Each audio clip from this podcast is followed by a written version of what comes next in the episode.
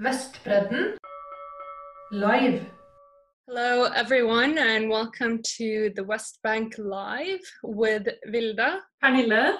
And Magnhild. And Bente.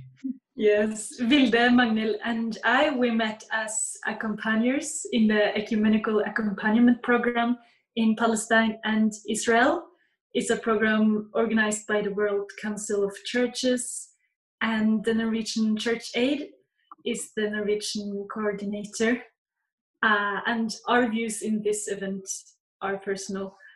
So we spent three months in the West Bank earlier this year, um, placed in Tulkarem, Qalqilia, Bethlehem, and uh, Jericho, where we gained valuable experiences that we want to share with you and also put available information about what's happening in the West Bank today. So that's why we made this live stream series, West Bank Live. And today we have a guest with us. Uh, Bente is from an organization called uh, Breaking the Silence. Um, it's an organization of uh, veteran soldiers, and um, Bente will introduce it further, uh, so I won't say a lot more about it. I just mention that ever since we arrived uh, to the West Bank, I always heard a lot of uh, good things about the work of uh, the organization Breaking the Silence, and uh, I always wanted to go on one of their tours. Um, uh, unfortunately, I never had the chance, but therefore, uh, I personally am also extra happy, therefore, that we have um, Bente with us today. So, yeah, I think I'll just hand it over to you, Bente. Thank you so much for being with us. Thank you for having me. So my name's uh, Bente Sanders. Uh, I'm originally from New York.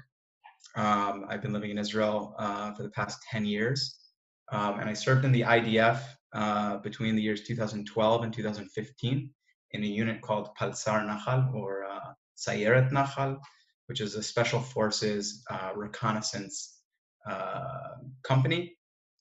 And uh, I first came to Israel. I graduated high school in a modern Orthodox Jewish uh, school and in New York, and I came basically with my entire graduating class to to study religious uh, in a religious seminary, a yeshiva, uh, for a year before coming back to college.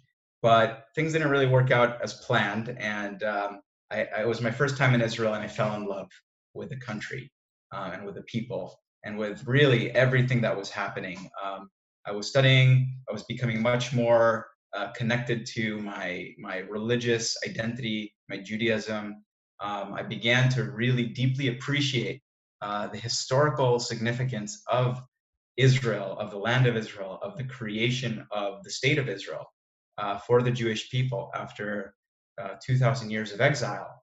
Um, I felt I had this tremendous privilege to, to live in, in Israel um, and be part of it.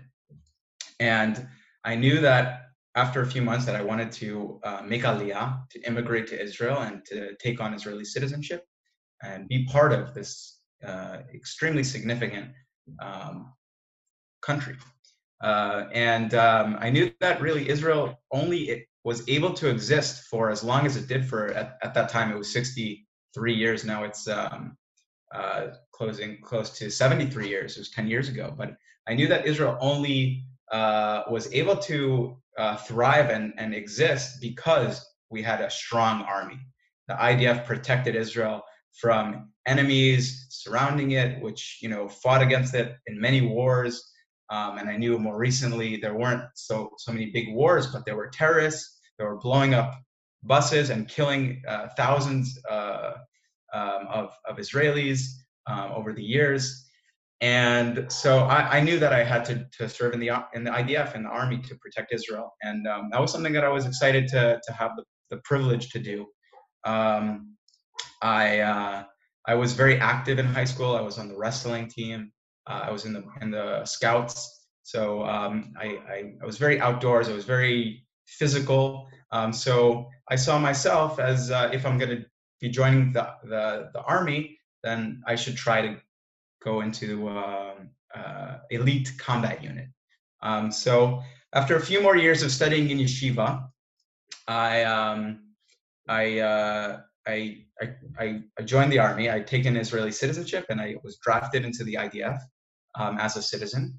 Um, and uh, I went into the, the Nachal Infantry Brigade. I tried out for the Special Forces during the you know the first uh, week of um, of you know you get to the basic training base. You try you try out for the Special Forces, um, and I was accepted, and I was I was thrilled. I got into the, the Special Forces unit, and I started a 14 month long training. Um, it was it was very long, intense uh, training. Um, twice as long as the normal infantry training. Involved a lot of advanced navigation, learning how to uh, go behind enemy lines undetected to direct uh, artillery fire uh, at them, and um, really training for war.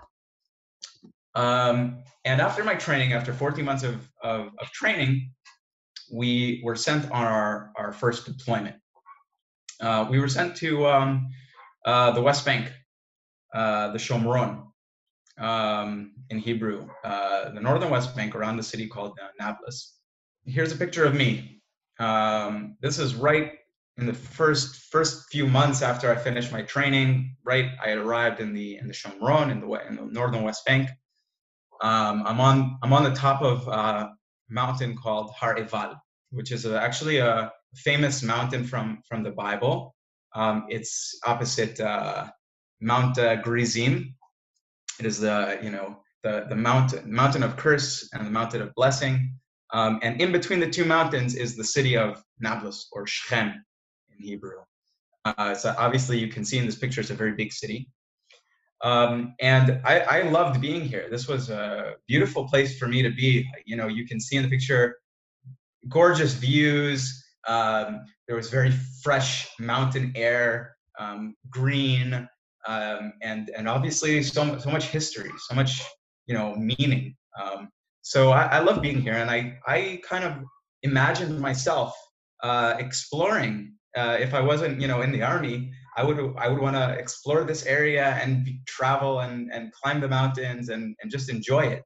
Um, and I found myself um, after um, you know I, uh, after being deployed here that one of the jobs that I was actually being asked to do um, while on Har Eval, uh, Mount Eval, was to make sure the Palestinians uh, from the from the valley in the city of Nablus don't climb up towards the army base. And if they get start climbing up the mountain um, and and get uh, close closer to the army base, then we were sent down to the mount down the mountain in an army jeep um, and we we told them we have to get back. They have to you know go back down the mountain. So um, that that moment very early on, I, I found myself um, preventing uh, basically Palestinians from the city uh, of, of Nablus of doing something uh, that I felt that I would want to do if I was in their position. And that was, I think, maybe one of the, the first moments um, or experiences that I had uh, in the West Bank, uh, in the occupied territories, um, where I began to feel like, wait, what am I doing here? And I accumulated over the over the months uh, that I spent uh, deployed uh, in the West Bank and then in the Gaza Strip, uh, many experiences like this, which really kind of posed these kind of big question marks around what I was what I was doing. And ultimately, after my service, I ended up giving uh, testimonies from my service um, to Breaking the Silence. Breaking the Silence is one of the most active uh, anti-occupation organizations in Israel, which meets with hundreds of, of groups every year. Uh, on regular years, we're doing hundreds of face-to-face meetings with Israelis um, and uh, you know diaspora and international groups it's an organization, um, as uh, um, as was mentioned earlier, of, of IDF veterans who served in the occupied territories.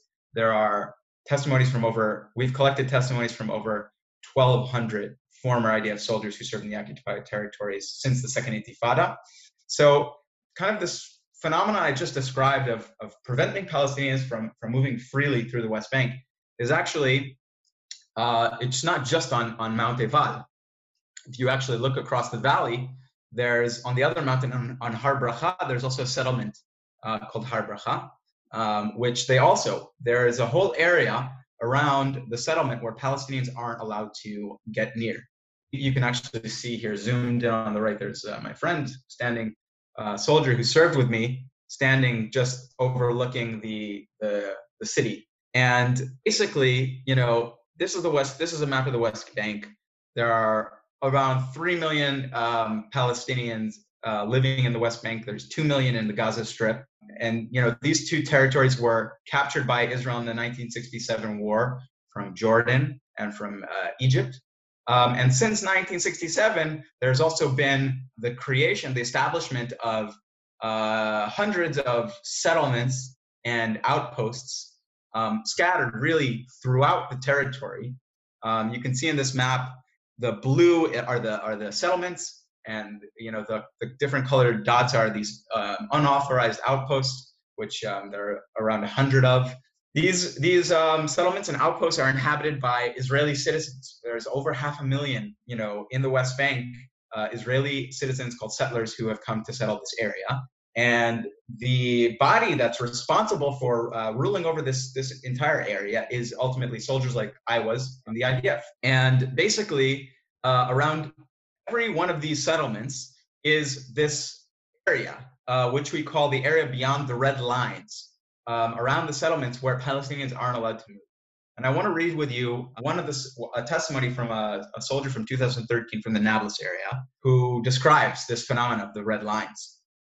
When you see the map of the red lines, your whole concept changes because that the area looks as if it's full of 99% Palestinians with something like three small settlements. But when you suddenly look at it, even zooming out at the whole Samaria area, you understand that Palestinians are actually banned from entering a huge chunk of it. They can hang around there. Around every such settlement, there's a circle, a radius of one kilometer, a huge area you're not allowed to enter if you're Palestinian. Now, this area is really uncultivated, but I don't know what would what it would be if Palestinians were allowed to enter it.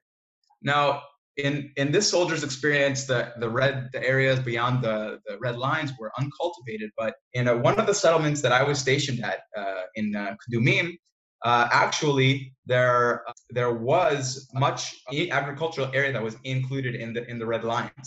Uh, there's no fence around Kadumim, but there are uh, cameras that are constantly watching, scanning the area around the settlement um, and if a pa- if a Palestinian um, gets too close uh, to crosses the red line, you know, around the settlement, then soldiers like like me, I was you know I was on the the rapid response team. Um, in one one incident, we get a call on the radio from the the civilian operations room of the settlement, are watching the cameras, um, and they told us uh, there are two Palestinians who, from the village of Kadum, have gotten too close, have crossed the red line. So we we put on our our combat vests, our helmets, our knee pads.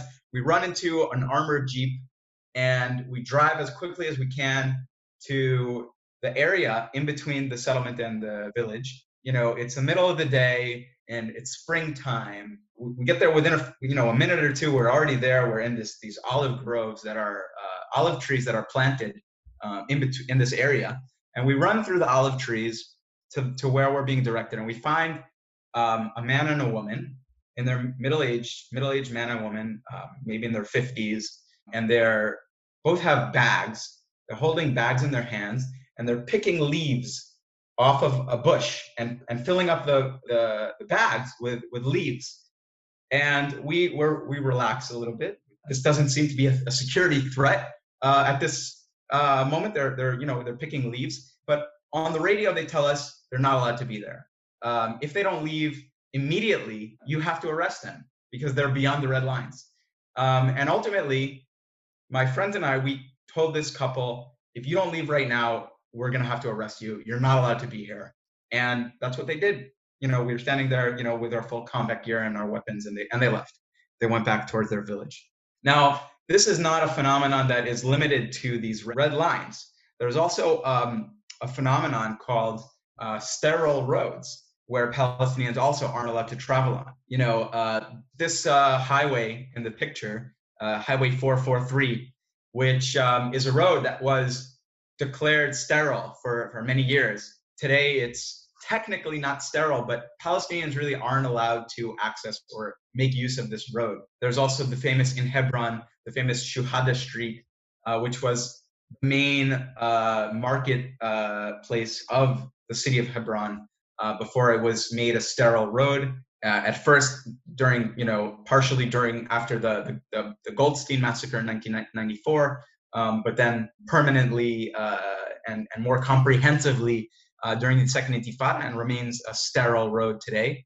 But also, you have test. We have testimonies. We have testimony from an officer from Golani uh, which is another infantry unit, an officer who talks about how in, in his in, during his service there were many uh, sterile roads throughout the West Bank, um, in a outside of a village called Salem, also near Nablus. He describes how there was this road that was made to be sterile. Sterile meaning Palestinians aren't allowed to walk on that road or use that road at all. And there were uh, basically shepherds, Palestinian shepherds, who needed to cross the road to, to get to their grazing land. And they would just be playing this game of playing this game. He calls it a, a game of cat and mouse, where they would the, the shepherds needed to cross the road, and then they would see them and they would chase after them and they would throw stun grenades uh, at the at the shepherds to um, you know get them off the road. And you know this is this is uh, you know phenomenon that that is really throughout the West Bank. I, I want to add another another layer. Obviously, m- there are many areas in the West Bank where Palestinians are allowed to travel. Um, you know most of the roads and Palestinians do have access to. But in those on those roads and in those you know even in, in Palestinian villages uh, and cities, IDF in every region has a constant 24/7 has patrols. Um, in most cases, these are armored uh, jeeps like the one you see in the picture here, which we basically we just drive around.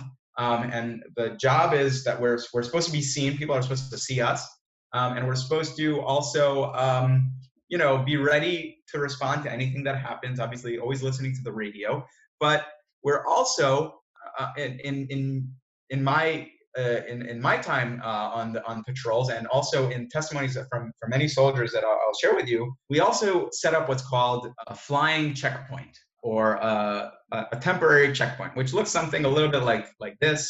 Um, you lay down tire spikes um, and you start just you know you pull over to the side of the road. We used to do it on one of the main roads leaving uh, nablus uh, connecting to highway 60 which is you know one of the main roads in the west bank. And we would just start stopping uh, vehicles. Uh, you know we would do it for one hour out of every eight hour shift.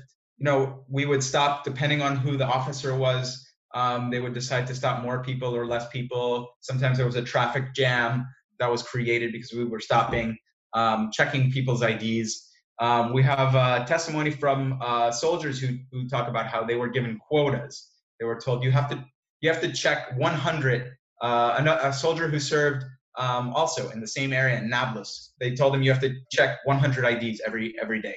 We have soldiers who talk about setting up these checkpoints at the entrance of a village. You know, a couple times a week they would go to the entrance of the village and would stop every car leaving or, or, or entering the village and they would check their IDs, and sometimes they would do a search of the of the car. Um, we have a soldier also who talks about that when he did these flying checkpoints, they actually went inside the center of the village, and they would create a huge traffic jam, you know, in, a, in these small villages, and they would just start, you know, stopping the cars and checking them.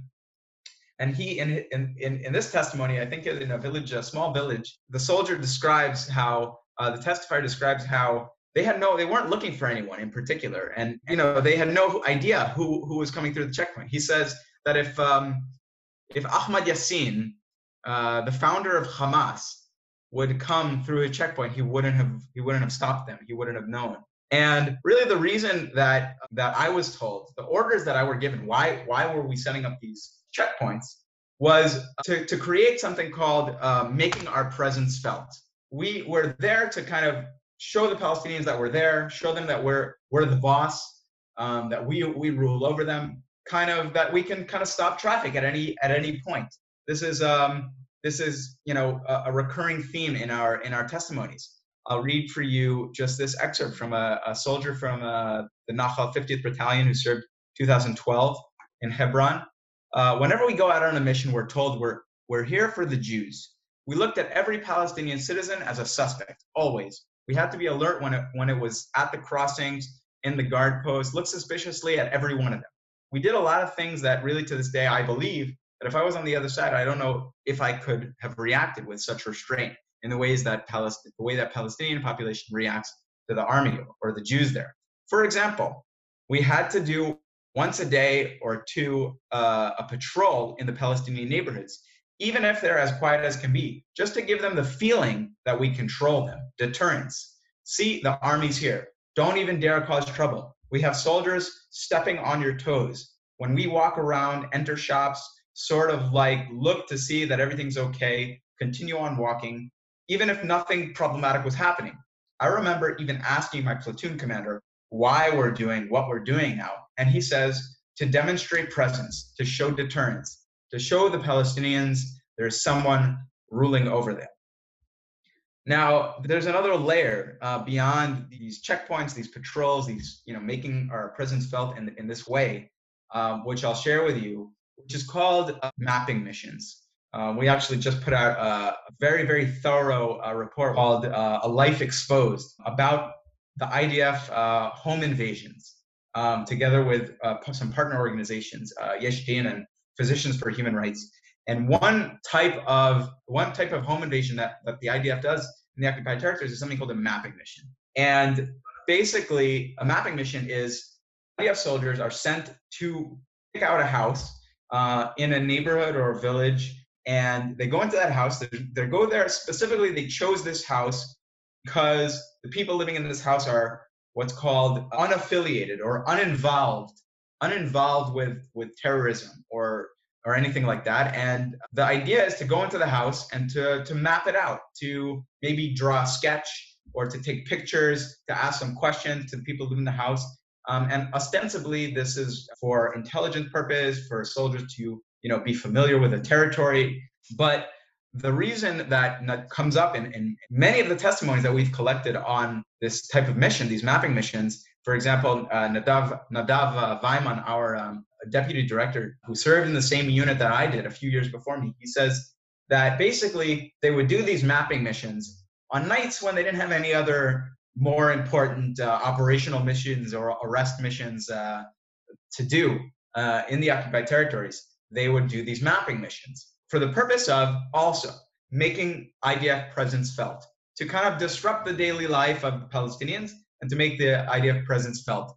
Um, and we have testimony from a soldier, from an officer who served in the Bethlehem area. He talks about how he, after this first, uh, second mapping mission, he already realized that all of the pictures and the, you know, the sketches that they were taking, it wasn't, um, no one really gave a shit about what, what happened or about organizing the information in any way. Because uh, he realized that the, the real reason for these mapping missions is um, creating a certain sense of psychological pressure uh, on the Palestinians. We can come into your house, anyone's house, in the middle of the night. IDF can be here um, and um, you know gather this information. You know, we have we have testimonies from a soldier who said that he would do um, mapping missions.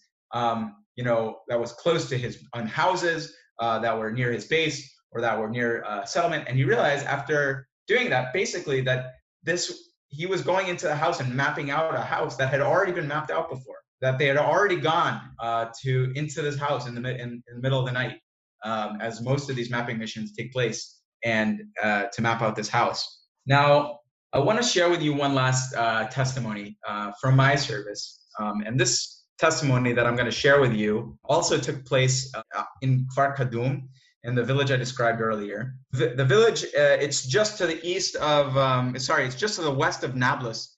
And basically, this road that I'm tracing, you can see, uh, this road connects the village to the city of Nablus. And obviously, this is, you know, the main road of the village. Um, and at some point over the past few decades, as this, the settlement of Kadumim expanded, the, the IDF made this road, they turned this road into a sterile road. And they forbid Palestinians from using this road. Um, so at some point, uh, again, years before I arrived at this base, at the settlement, uh, the Palestinians from Kadum started doing a, a, every, a protest march. Every Friday, they would march on the road. Uh, and we, the soldiers, we were always sent with like full riot gear with shields and visors to uh, disperse the, the protest and to prevent the Palestinians from accessing, uh, from going on the road. Um, and it was always a, a really quite a spectacle. Um, the Palestinians would be uh, burning tires. There was this thick black smoke, and you know, we would they would be throwing rocks at us.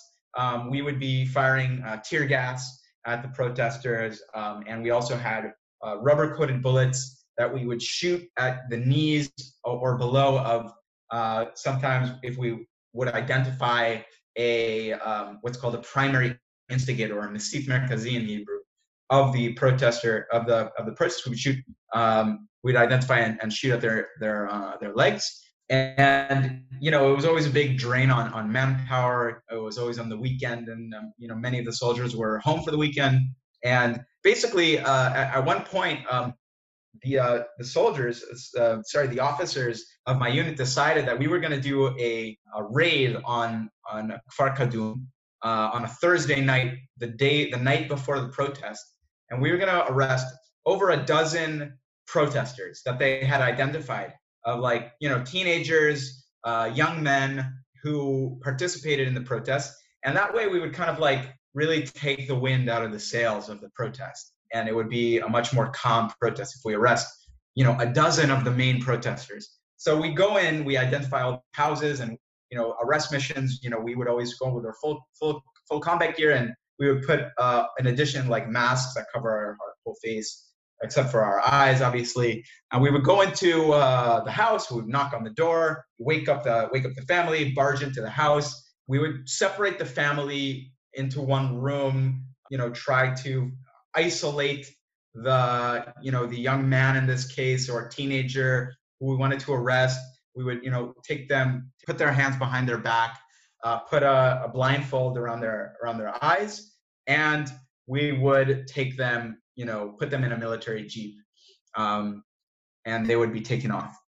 Now, in one of the cases, one of the houses that we went into, actually, one of the younger brothers of the protester that we arrested actually started fighting back against my friends, who was punching the soldiers, uh, my friends. Um, and we overcame him very quickly and, and, and we, we arrested his brother and we, we took him out of the house and we put him in the jeep. Uh, i have a picture here basically a, a, soldier who took one of the palestinians that he arrested. Um, and, and the jeep drove off and um, as we were leaving the village the officer told us go back and arrest the younger brother now.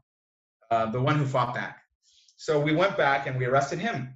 But the jeep had already left so actually we ended up having to walk him out of the village and we started walking him back all the way back to our base. And this was actually um, unusual uh, because usually uh, I didn't spend much time with the, with the people I was arresting, the Palestinians that I was arresting.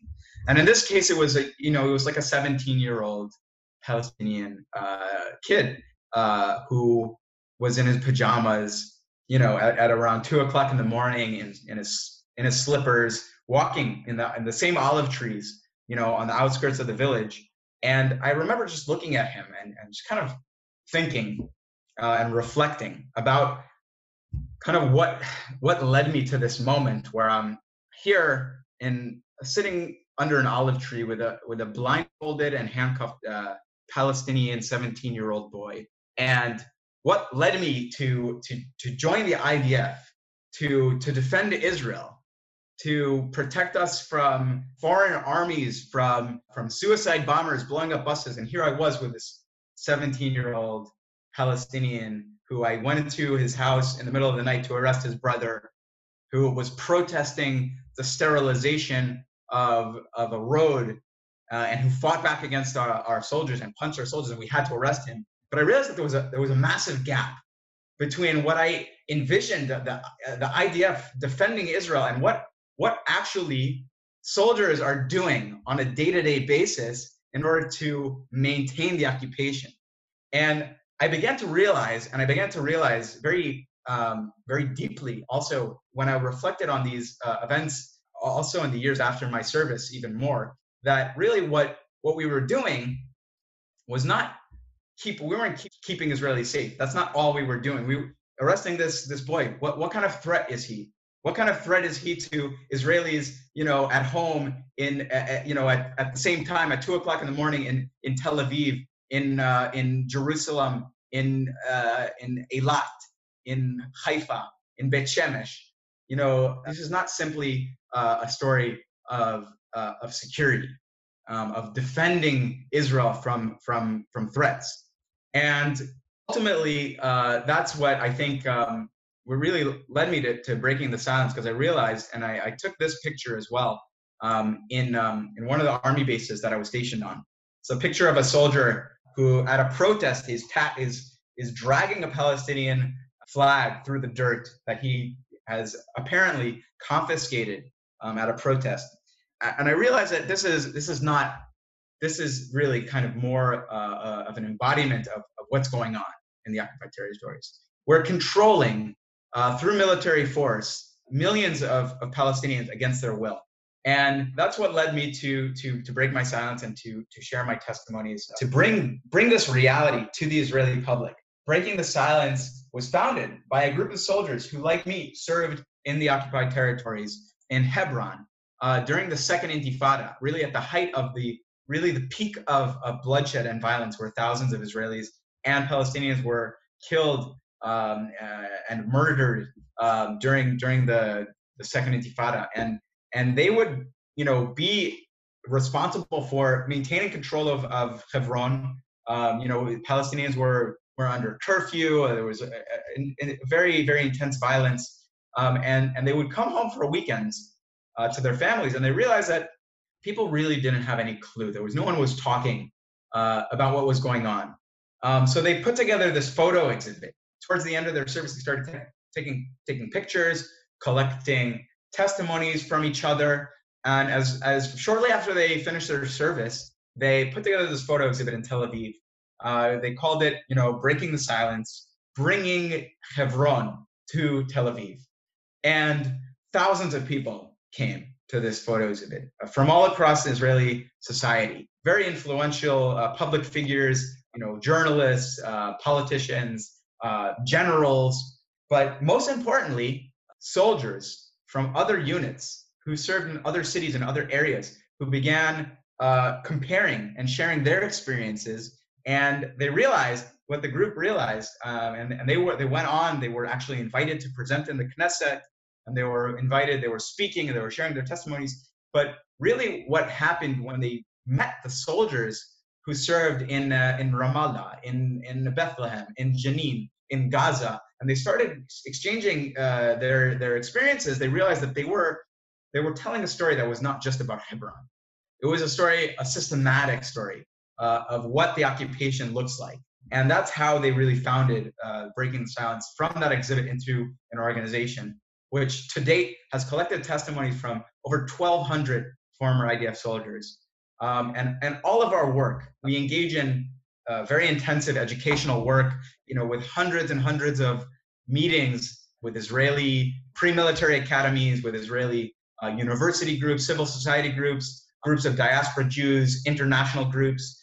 Um, every year, um, we take groups on on tours really kind of maybe during a normal year is one of our most kind of uh, um, intensive form of education um, is is taking groups to see the occupied territory, the occupation for themselves, taking them on tours to Hebron, taking them on tours to the South Hebron Hills, the area C, um, Masafer Yatta, and um, we do this all to to to to show the reality to the public, to stimulate public debate about the moral cost of the occupation and with the with the goal of um, ending the occupation. Um, so thank you again for inviting me uh, to speak and to share this, uh, you know, my my personal story and testimonies, and and um, kind of tell you a little bit more about our work. You know, we're obviously this is a very challenging time with with you know past four years with Trump and the transition. We're and and obviously COVID made it more difficult for us to reach groups, but we're really doing our best to reach uh, groups virtually. So thank you again for coming. Uh, thank you so much, uh, Bensi, for that uh, wonderful presentation. Really, that was uh, very, very interesting and informative. And I think, especially for me, being in the ecumenical accompaniment program, sorry, in Tulkarem and Kalkilia, uh, we actually participated uh, in the um, uh, demonstrations in Kafr Kadum and did see the reality uh, there from the other side. So it's very, very interesting now to get your perspective. And I think one of the things that I found most striking during my time uh, in Palestine was exactly maybe uh, what I feel like you described very well here this um, almost mundanity of, of the occupation with some of the activities uh, that seem to be almost more centered on kind of sometimes I would say just petty harassment or something like this. I didn't really see the motivation behind it.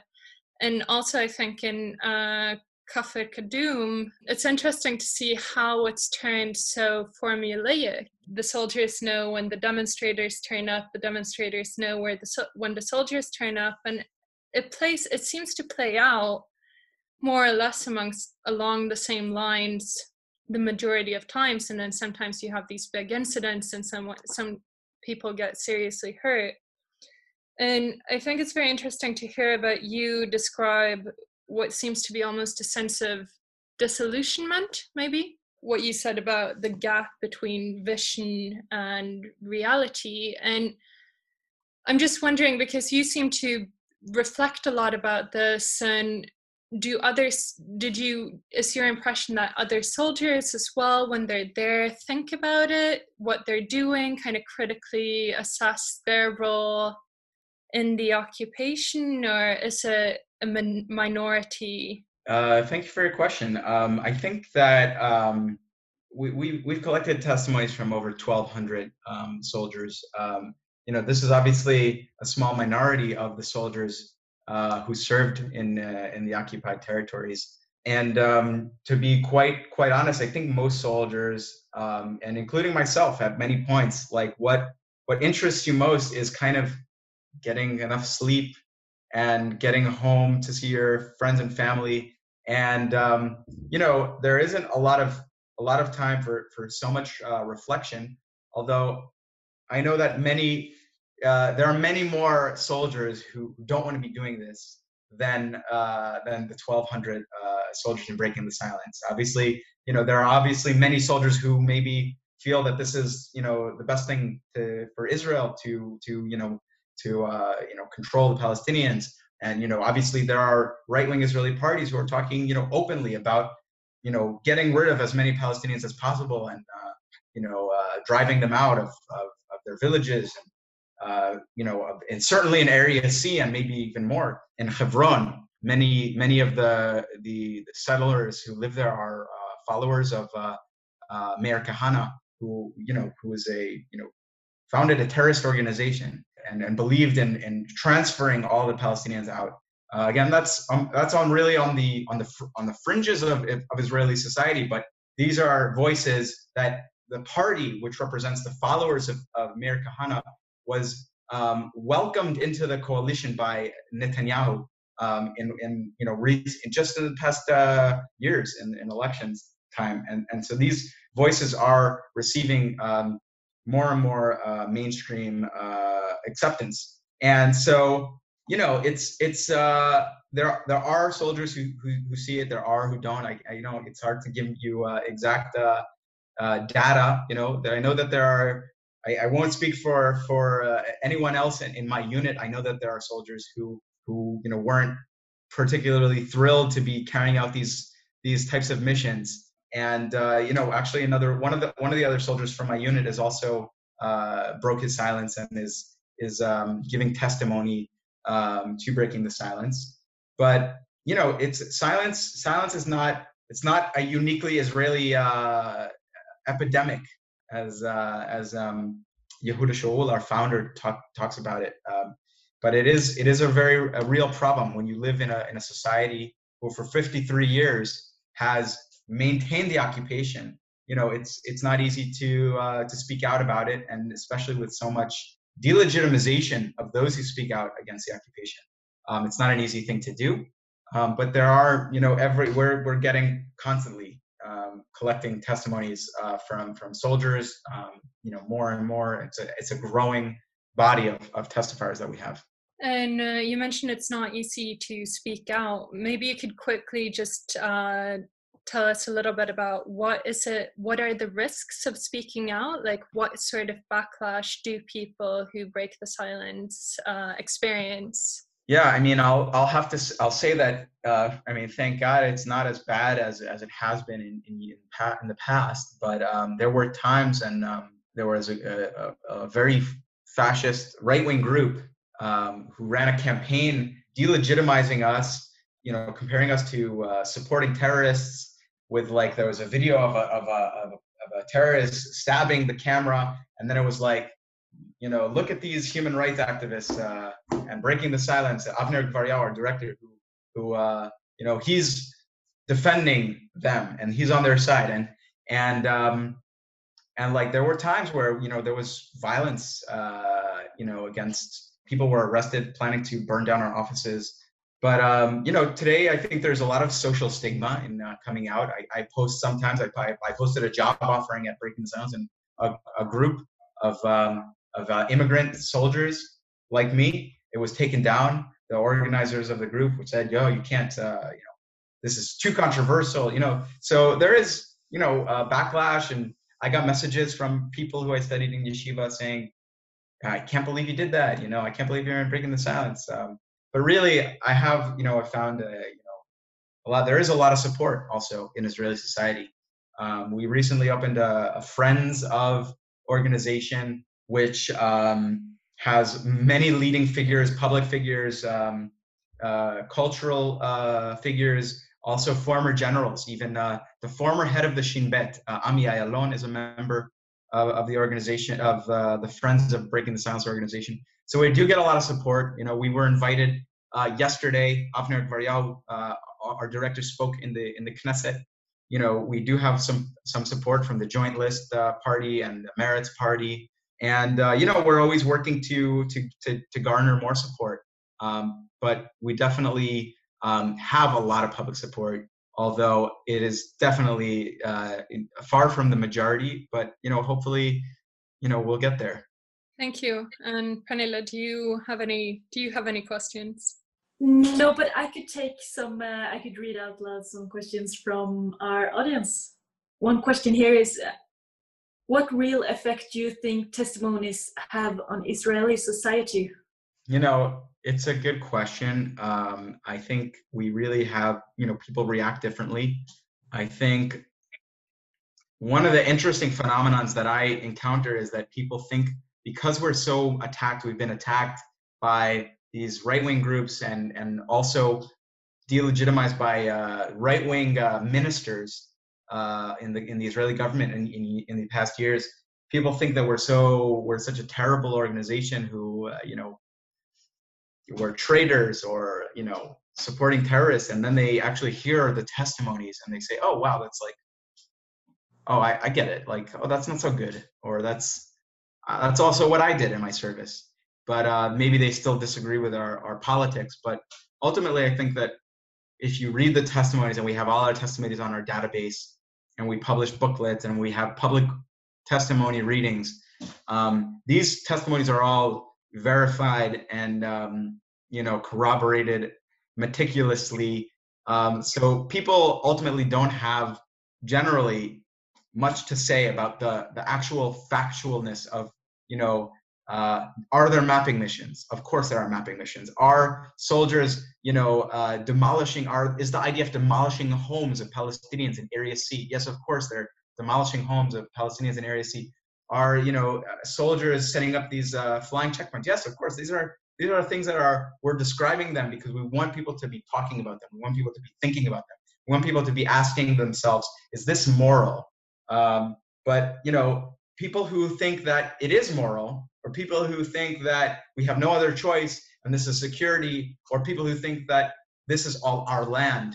God gave us this land, and Palestinians have no right to any self-determination or to have equal equal citizenship because this is you know our God-given land. So um, they obviously they view us as a real threat, and and I think that that's why we um, are so so much so attacked um, and delegitimized uh, because we are a threat. We're a threat to you know the settlement, the settlement uh, movement, and the, the right wing who wants to control uh, you know um, all of the territory, and they want you know never to allow Palestinians to have self determination or or um, or equal rights in uh, whatever you know uh, solution is, proposed. Um, they don't want to end the occupation. So yeah, they're they you know they react very terribly. Um, I think not so much to just the testimony, but what we're trying to do with the testimony. You know, they'll probably take the same testimony and go, "Good job." You show them, you know.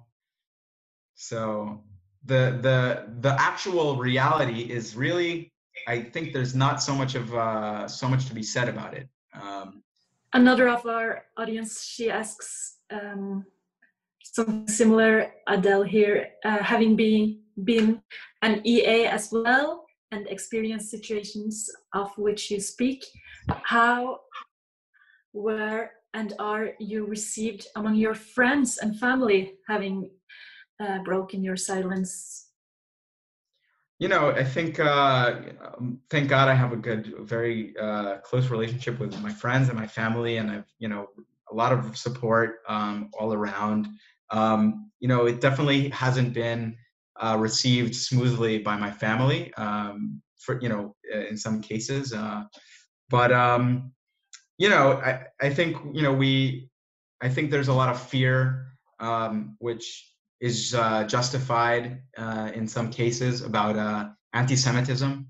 Um, that if you speak badly about about Israel, then you're you're helping anti-Semites, anti-Semites who just hate Israel because it's a, a Jewish country. And um, you know the fact that that anti-Semitism exists um, cannot allow us to to be silent uh, about about the occupation and can't stop us from fighting against the occupation in Israel and abroad. Um, and honestly, I think, or the best thing we can do for anti-Semitism, the worst thing that we can do for ourselves is to continue the occupation, because the occupation is an immoral act. And of course, if you hate Jews and if you are anti-Semitic, you'll say, "Oh, look how look what the Jews are doing. The Jews are terrible." You know that that can't you can't just be silent um, because anti-Semitism exists. Um, and as a matter of fact, I think that working and fighting as Israelis, as I, I consider myself to a, a, as an Israeli patriot, I really do. Um, and I and you know Avner does, and and and you know our as a movement, we we um, we are working because we think ending the occupation is the best thing for Israel.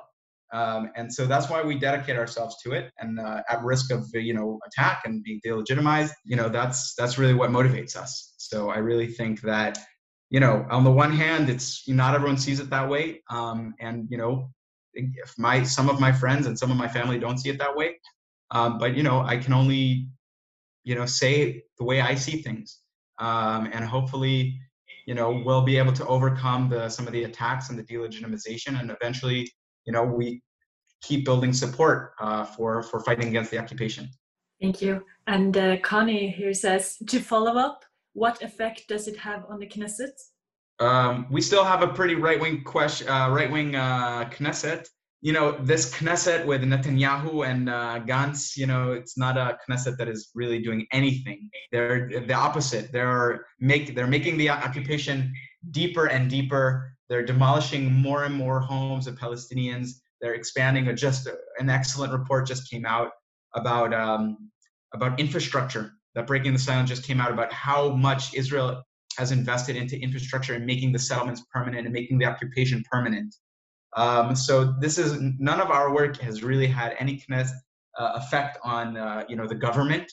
You know, again, like I said, there are members of Knesset in the opposition um, in recent years from Meretz and from uh, the the, uh, the, joint list, um, which we we're pushing and and we're you know we're partners with them and they're you know helping us, inviting us to speak in the Knesset and to get our message out. But uh, we're not we're not seeing any changes from this current uh, government and uh, any really legislation to to work towards ending the occupation. Unfortunately. Thank you. And our last question is. Um, if we can have access to the database, is it on your website? Yes, it is. Our we have thousands, tens of thousands of testimonies uh, on our website. You know, most of them have been translated. We have an English website. Uh, not all of them have been translated. So if you if you read Hebrew, you can even read more. But uh, I I guarantee you, if you stay after the next six hours, you still won't finish our testimonies uh, reading. Um, but I do encourage you follow us also on on social media on Facebook, Instagram. Uh, we, we share a lot of testimonies, a lot of testimonies that are relevant to current events um, and things that are happening um, in addition to you know special projects that we that we work on and reports. Thank you. I would really like that. Uh, yes, I guess what remains then is thanking everyone who showed up, uh, and thank you so much to to you, Bensi, for for spending this time with us. We really really appreciate it, and uh, all the best of uh, wishes to you and to the further work of uh, breaking the silence as well. Thank you so much for inviting me, and uh, have a great night. And uh, from us, uh, uh, also West Bank Live, this is our last episode of this year. Like all our other episodes, uh, the, it will be available on YouTube and Spotify. And we hope that maybe we will be back uh, next year for season two. So Okay. thank you so much.